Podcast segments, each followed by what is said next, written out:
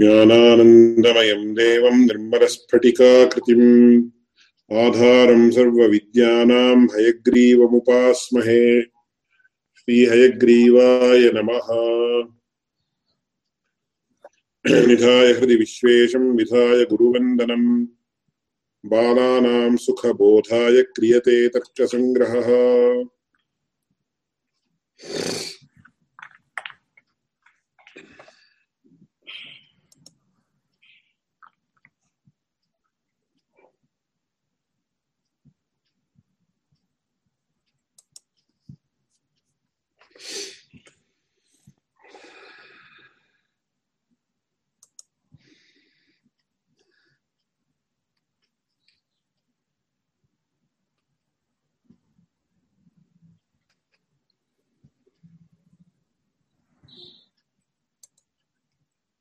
एकक्षणम् अत्र स्लैड् प्रदर्शयामि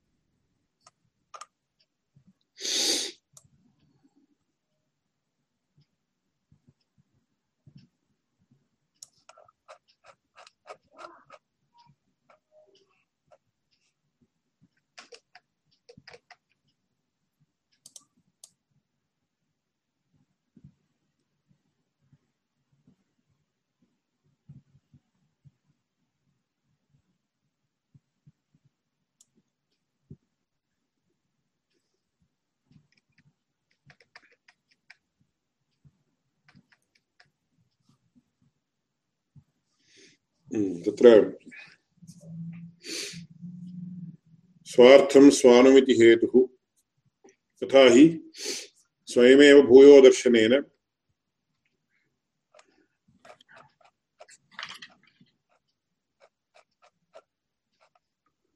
स्वयमेव भूयो दर्शनेन यत्र यत्र धूमः तत्र तत्र अग्निरिति महानसादौ धूमे वह्निव्याप्तिं गृहीत्वा पर्वतसमीपं गतः तद्गते च अग्नौ पर्वते धूमं पश्यन् व्याप्तिं स्मरति। यत्र यत्र धूमस्तत्र तत्र अग्निरिति इति तत्र व्याप्ति व्याप्तिग्रहणप्रकारः एवं तत्र व्याप्तिस्मरणप्रकारश्च उक्तः। ततः परं तदनन्तरं वह्निव्याप्य धूमवानयं पर्वतः इति अयमेव लिङ्गपरामर्श इत्युच्यते। तस्मात् पर्वतो वह्निमान् इत्यनुमितिः उत्पद्यते। तदेतत् स्वार्थानुमानम् इति तत्र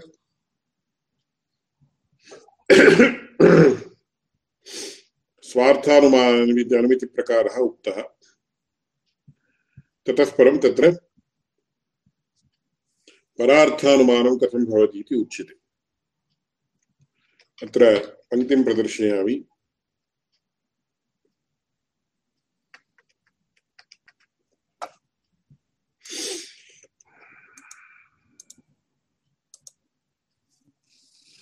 ततः परं परार्थानुमानं निरूप्यते यत्तु स्वयमेव धूमादग्निमनुमाय। परं प्रतिबोधयितुम् इति परं प्रतिबोधयितुम् इति वर्तते।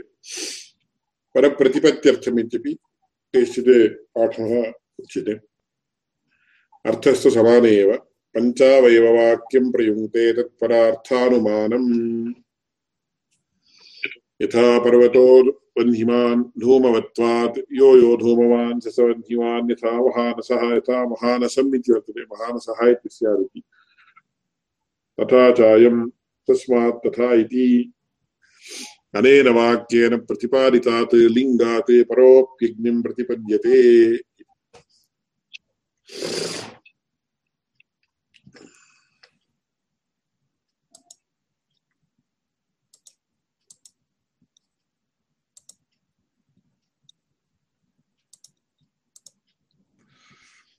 अत्र यत्तु स्वयमेव धूमादग्ने पङ्क्तिः भवद्भिः दृष्टा इति मन्ये।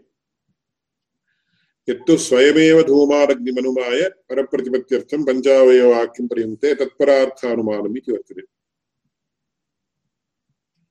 अत्र यत् इति पङ्क्तेः आरम्भः।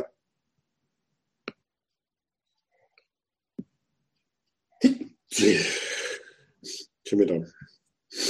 तत्र पङ्क्त्यन्वयः कथं कर्तव्यः एकः विषयः। अग्रे वयं पश्यामः। नव्यन्यायशास्त्रे।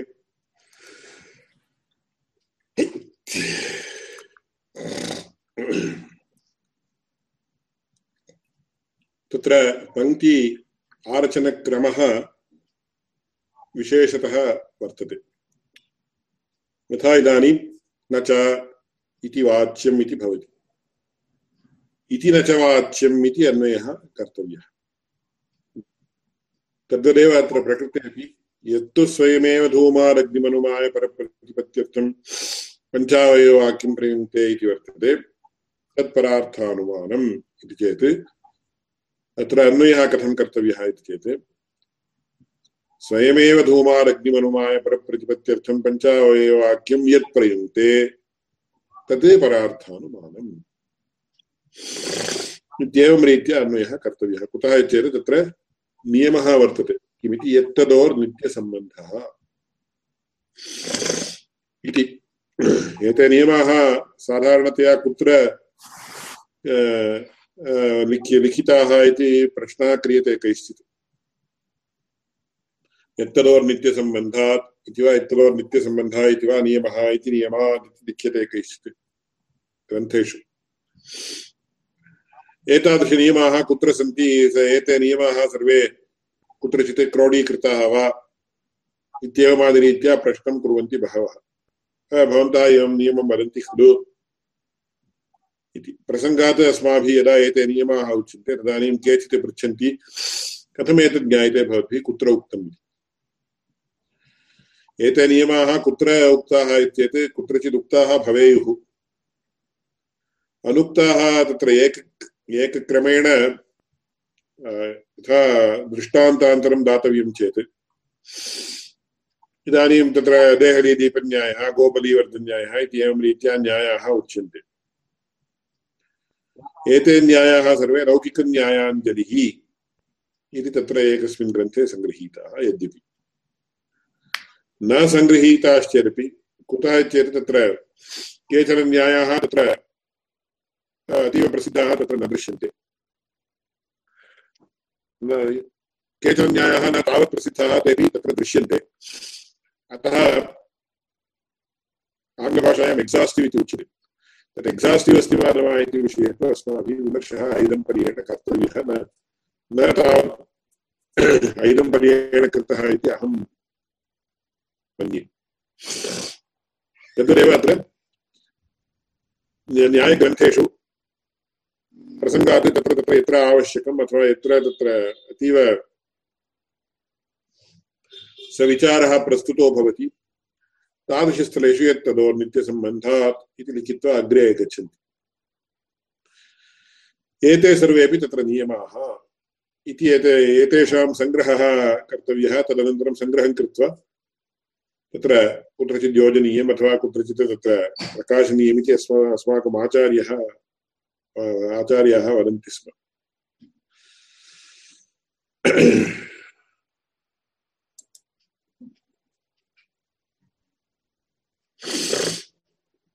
अतः तत्र यत्तदोर्नित्यसम्बन्धादिति विद्यमानत्वात् यच्छब्दः आगच्छति चेत् तच्छब्देन भाव्यमेव। एवमेव परन्तु अत्र अन्यः अंशः एकः वर्तते। यते इति पदाभावेपि तच्छब्दः प्रयोक्तुं शक्यते।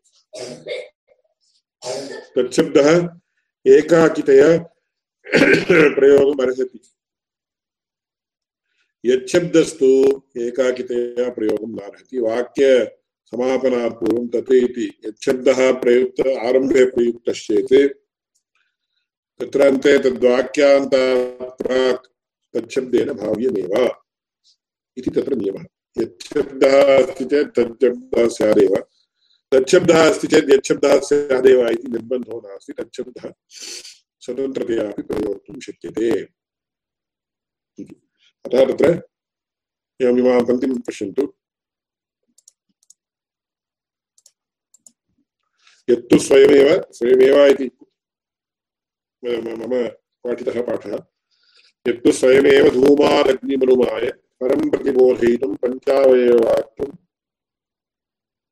प्रयुज्यते इत्यर्थते पुनः। अत्रापि प्रयुङ्क्ते इति मत्कृते कृतः पाठः। इति अत्र प्रयुङ्क्ते इति तु तत्र कर्तरिप्रयोगः भवति।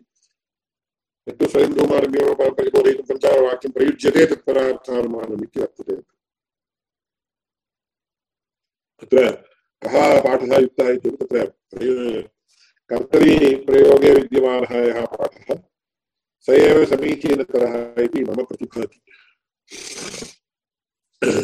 यत्तु स्वयमेव धूमादग्निमरुमाय परं प्रतिबोधयितुं पञ्चावयववाक्यं प्रयुङ्क्ते कः इति चेत् इति तत्र कर्तृपदस्य अध्याहारः कर्तव्यः।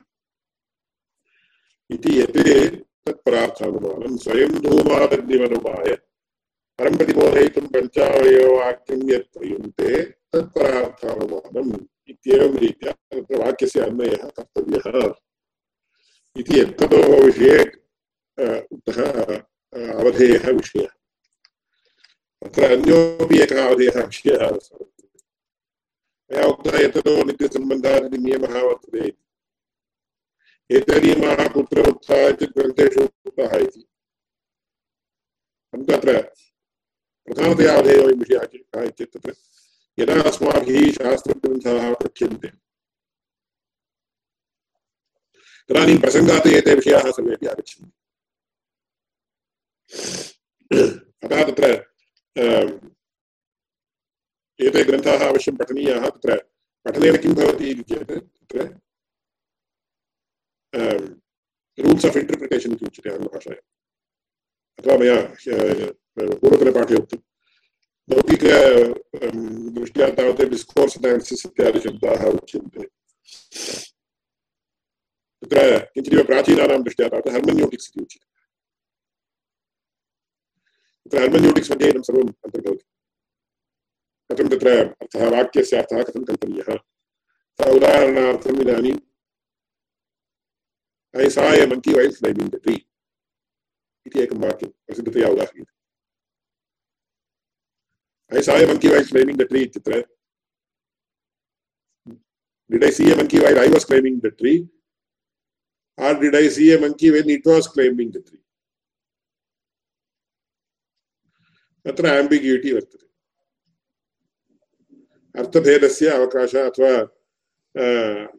नानार्थानां तत्र अवकाशः वर्तते। तदानीं डिसाम्बिग्युयेशन् इति उच्यते तस्य। आम्बिग्यूटि इत्येते तादृश आम्बिग्यूटि इत्यस्य अपसारणं कर्तव्यम् इति। एवम् अस्माकं शास्त्रेष्वपि आम्बिग्यूटि इति शब्दः तत्र उपयोगार्हो वा न वा सन्देहादेः अवकाशः वर्तते। अतः सन्देहस्य अपाकरणार्थं नियमाः कर्तव्याः तत्र यदा केनचित् बहु वार्ता क्रियते, बहुधा वार्ता क्रियते, तदानीं तत्र मध्ये केचन शब्दानां प्रयोगः न भवेत्, आवश्यकशब्दानां प्रयोगः न भवेत्, अनावश्यकशब्दानां प्रयोगः भवेत् इत्येवमादिरीत्या इदं सहजम्। किम् एवम् उच्यते भवद्भिः? इति सः पृष्टः इति एका एकस्यां कथा एक एकस्याः कथायाः कथनावसरे कश्चित् कथयति चेत्। ए, इत्यस्य कोऽर्थः वर्तते? अर्थो नास्ति। परन्तु तत्र सः ध्वनिविशेषः। ध्वनिविशेषः किमर्थम् चेत् तत्र तात्पर्य ज्ञान उत्पादने सहकरोति ध्वनिविशेषः। यथा इदानीं हन्ता इति उच्यते। हन्ताहमिमास्तिस्रो देवताः अनेन जीवेन आत्मनानुप्रविश्य नामरूपे व्याकरवाणी इति उपनिषत्सु एव हन्ता इति शब्दः आगच्छति। हन्त किमेवं मया कृतम् इति तत्र दुःखे, दुःख द्योतनार्थमपि हन्ता इति शब्दः उच्यते। अतः तत्र कोशे तावत् हन्तहर्षे अनुकम्पायाम् इति हर्ष द्योतनार्थमपि हन्ता इति शब्दः उच्यते। अनुकम्पार्थ अनुकम्पार्थेपि हन्ता इति शब्दः। कदाचित् दुःखद्योतनार्थमपि हन्ता इति शब्दः उपयुज्यते। परन्तु हन्ता इति शब्दस्य कोऽर्थः इति चेत् हनधातोः उपरि कश्चन प्रत्ययः इत्यादि भवेत् वा इति तु सम्प्रति अहं न जानामि, परन्तु तत्र तादृश धातुः प्रत्ययः इत्येवमानरीत्या अयं व्युत् व्युत्पन्नशब्दः इति यदुच्यते न अयं व्युत्पन्नशब्दः इति अहं भावयामि। तत्र कीदृशः अर्थः, तत्र कथं सः शब्दः निष्पन्नः इति विषये किञ्चिदस्ति वा इति विषये कोशादिकं द्रष्टव्यम् अतः तत्र, अर्थविशेष अभाववतां शब्दानाम् उपयोगोऽपि भवति। अथवा तत्र विशेषार्थविशिष्टानां शब्दानामपि उपयोगः भवति। अतः एवं सर्वं भवति इति कृत्वा अत्र रूल्स् आफ् इण्टर्प्रिटेशन् इति तत्र अर्थकरणस्य नियमाः कर्तव्याः भवन्ति, यदेव मीमांसाशास्त्रेण क्रियते, अत एव तस्य वाक्यशास्त्रं वाक्यशास्त्रम् इति नाम इति विचारः अन्यत्र गच्छति, अतः पुनः अत्र यत्तु स्वयमेव धूमात् अग्निमनुमाय परं प्रतिबोधयितुं पञ्चावयववाक्यं प्रयुङ्क्ते तत्परार्थानुमानम् इत्यत्र प्रयुङ्क्ते यत् इति यत् तत्परार्थानुमानम् इत्येवं रीत्या अन्वयः कर्तव्यः इति परार्थानुमानम् अन्यस्यापि अनुमितिः अन्यस्यापि मनसि अनुमितिः उत्पादनीया चेत् तदानीं पञ्चावयववाक्यप्रयोगः कर्तव्यः इति तत्र उच्यते कथं न भवति सः पञ्चावयवाक्यप्रयोगः? इति चेत् अत्र तदेव प्रदर्श्यते।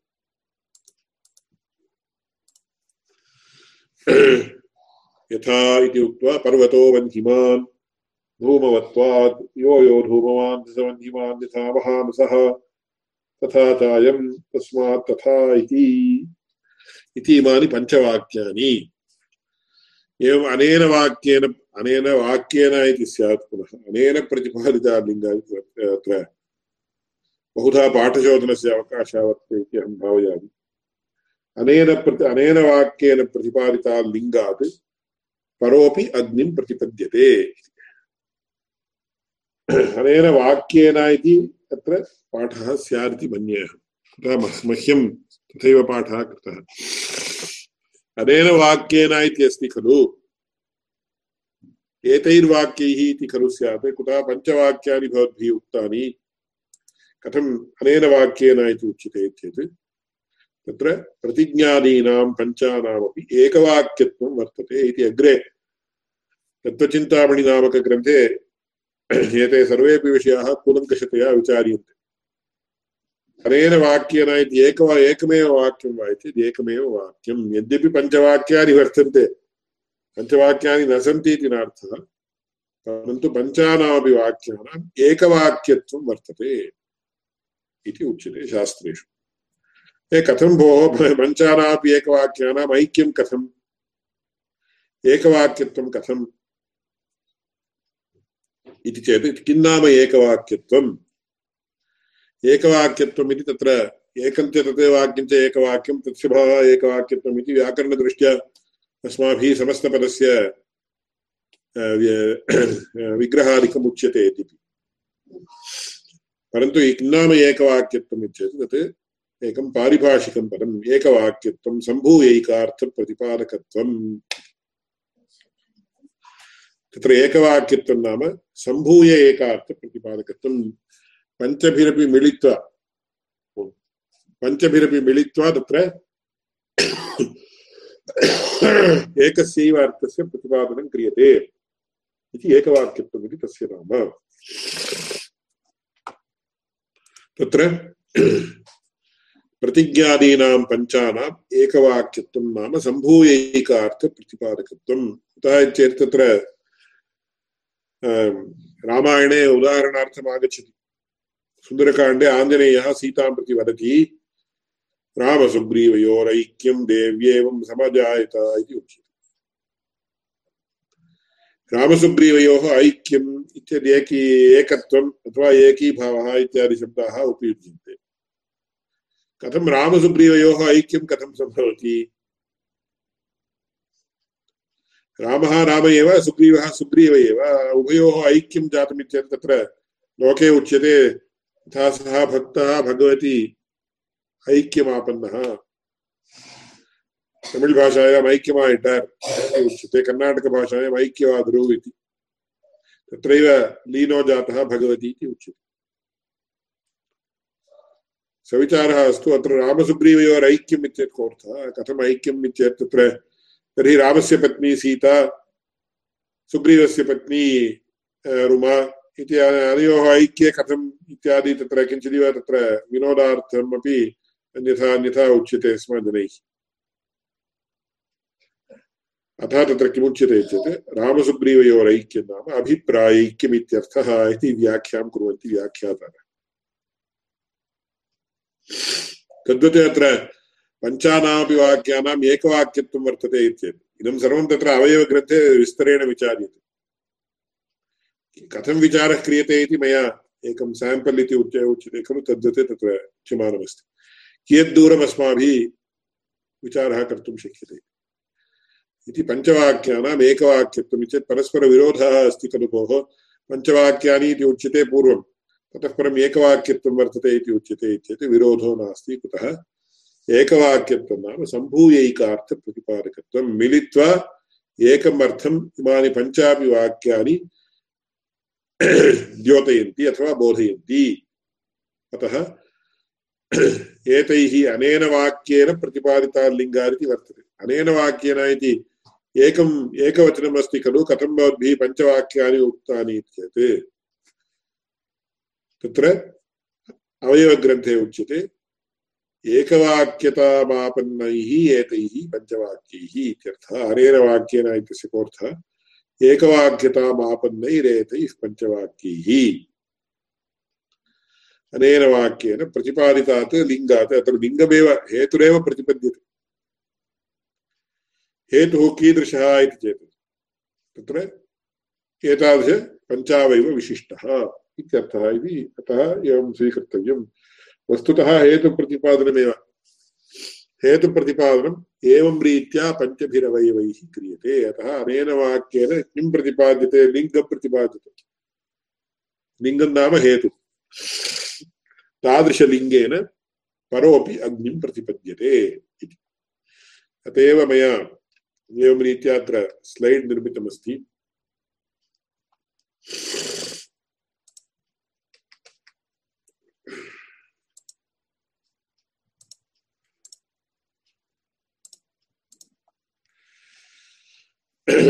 तत्र इन्फरेन्स् अथवा अनुमानम् इत्येतत् स्वार्थानुमानं परार्थानुमानम् इति द्विविधं तत्र स्वयं स्वार्थं यत् या अनुमितिः प्राप्यते तत् स्वार्थानुमितिः इत्युच्यते। वामभागे। दक्षिणभागे तावत् परार्थानुमानम् इति कीदृशं making another person person attain inference कथं इति चेत् by usage of Nyaya are five members syllogism आङ्ग्लभाषायाम् अस्य सिलाजिसम् इति उच्यते। इति पञ्चावयवानामपि मिलित्वा न्यायः इति शब्दः, न्यायशास्त्रे प्रसिद्धः। न्यायप्रयोगः इत्येतत् पञ्चावयवप्रयोगः इत्यर्थः। तत्र कथम् एतद् भवति इत्येतत् तत्र पश्यन्तु अत्र। पञ्च अवयवाः भवन्ति सिलाजिसम् कण्टैन्स् फैव् मेम्बर्स् आर् अवयवास् अवयवासत् प्रतिज्ञा प्रपोजिशन् इति उच्यते। हेतुः रीसन् उदाहरण एक्साम्पल् उपनय अप्लिकेशन् निगमन, conclusion iti the five member syllogism may be illustrated in the following way the hill is fiery parvato himaliti pratigna because the hill is smoky iti tatram धूमवत्वात् इति हेतुः ततः परं wherever whatever is smoky is fiery like a kitchen यत्र यत्र धूमस्तत्र तत्र वह्निः यथा महानसः तथा चायम् this hill is also smoky इति उपनयवाक्यम् तत्र वह्निः व्याप्य धूमवांश्च अयम् इति उपनयवाक्यं तथा चायम् इत्येतत् कोऽर्थः बन्धिव्याप्य धूमवांश्च अयम् इति अर्थः। तस्मात् तथा फोर् दि हिल् इस् फैरि निगमनवाक्यं तस्मात् तथा पर्वतो वह्निमान्। इति प्रतिज्ञावाक्यस्य अत्र सर्वत्रापि पुनः चर्चा वर्तते। पञ्चानापि वाक्यानां कथं निसम्भूय एकार्थप्रतिपादकत्वम् अथवा एकवाक्यत्वं वर्तते इत्यादि चर्चाः तस्य तत्र विस्तरेण आगच्छन्ति। यदि भवतां तत्र तादृशविषय अध्ययन इच्छा वर्तते, भगवत्सङ्कल्पोऽपि वर्तते चेत् तदपि अग्रे कदाचित् पठामः। अत्र पश्यन्तु, परार्थानुमानं नाम making another person attain inference by usage of nyaya or five membered syllogism. एतादृश पञ्चावयववाक्यप्रयोगस्यैव न्यायः न्यायः इति वर्तते तत्र तत्त्वचिन्तामणिग्रन्थे तच्चानुमानं परार्थं न्यायसाध्यम् तत्र परा तच्च अनुमानं परार्थं न्यायसाध्यम्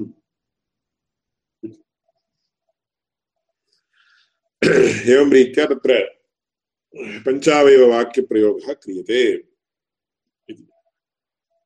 इत्येवं रीत्या अत्र तर्कसङ्ग्रहे उक्तः। तत्र ततः परं प्रतिज्ञाहेतु उदाहरणोपनयनिगमनानि पञ्चावयवाः इति प्रदर्श्यते।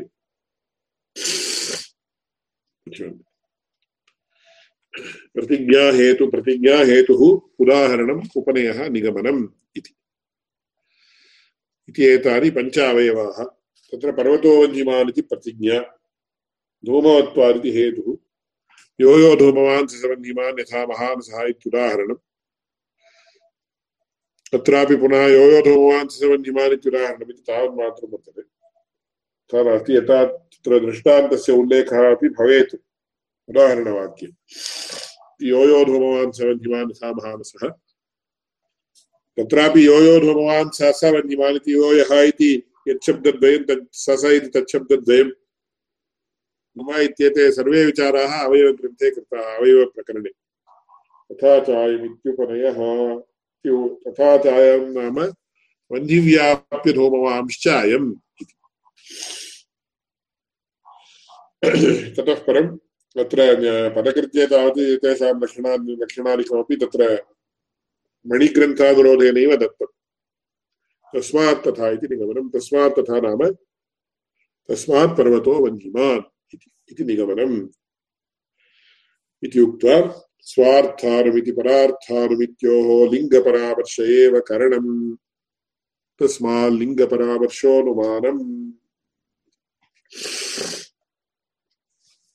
स्वार्थानुमितिर्वा भवतु, परार्थानुमितिर्वा भवतु। तयोः किं करणम् इत्येतत् लिङ्गपरामर्शः करणम्। तस्मात् लिङ्गपरामर्शोनुमानम् अत्र पश्यन्तु, पुनः अत्र काश्चन न्यूनताः वर्तन्ते इति केषाञ्चन अभिप्रायः कथम् इत्येते स्वार्थानुमानं कीदृशं, परार्थानुमानं कीदृशम् इति विषयः आरब्धः। निगमनावसरे तावत् स्वार्थानुमिति परार्थानुमित्योः इति अनुमितिशब्दः उपयुक्तः। तदेतत् स्वार्थानुमानम् इति उक्तं पूर्वं, ततः परं तदे एतत् परार्थानुमानम् इति उक्तम् इति आरम्भे। पुनः इदानीम् उपसंहारावसरे स्वार्थानुमिति परार्थानुमित्योः इति अनुमितिशब्दः वर्तते। अत्रापि स्वार्थानुमानपरार्थानुमानयोः इत्येव वक्तव्यमासीत्। अथवा तत्र स्वार्थानुमितिः परार्थानुमितिः इति वक्तव्यमासीत्। अस्तु एतत् एवं रीत्या अस्माभिः अज्ञात्वापि काश्चन न्यूनताः ग्रन्थे आगच्छन्ति महतामपि इति विषये तत्र प्रदर्शनार्थम् इदमुच्यते, कैश्चित्। मया उच्यते इति न, कैश्चित् प्रदर्श्यते। स्वार्थ, स्वार्थानुमिति, परार्थानुमित्योः लिङ्गपरामर्शे एव करणम्।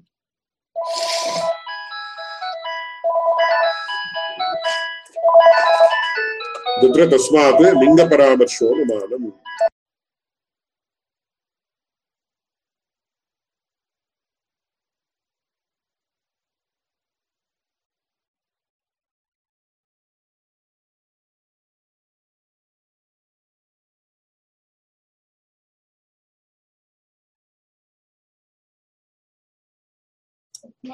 तस्मात् लिङ्गपरामर्शोऽनुमानं नाम अनुमानं तत्र लिङ्गपरामर्शः इति उभयोरपि तत्र लिङ्गपरामर्शस्य आवश्यकत्वात् अनुमानं नाम अनुमितिकरणं लिङ्गपरामर्शः इति अत्र उक्तम् अत्रापि पुनः पूर्वं तावत् परामर्शजन्यं ज्ञानमतु अनुमितिः व्याप्तिविशिष्टपक्षधर्मता ज्ञानं परामर्शः इति उक्त्वा तत्र अनुमानं नाम व्याप्तिज्ञानम् इति उक्तम् अत्र लिङ्गपरामर्शः अनुमानमिति उच्यते उच्यते इति किञ्चिदिव व्यत्यासः वर्तते अयमपि विचारः अग्रिमकक्षायां विचार्यते।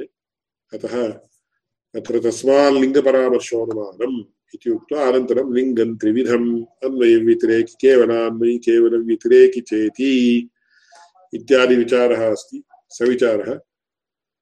श्वः श्वस्तनकक्ष्यायां निरूप्यते इति उक्त्वा अद्यतनकक्षां समापयामि। प्रश्नः अस्ति वा कोऽपि?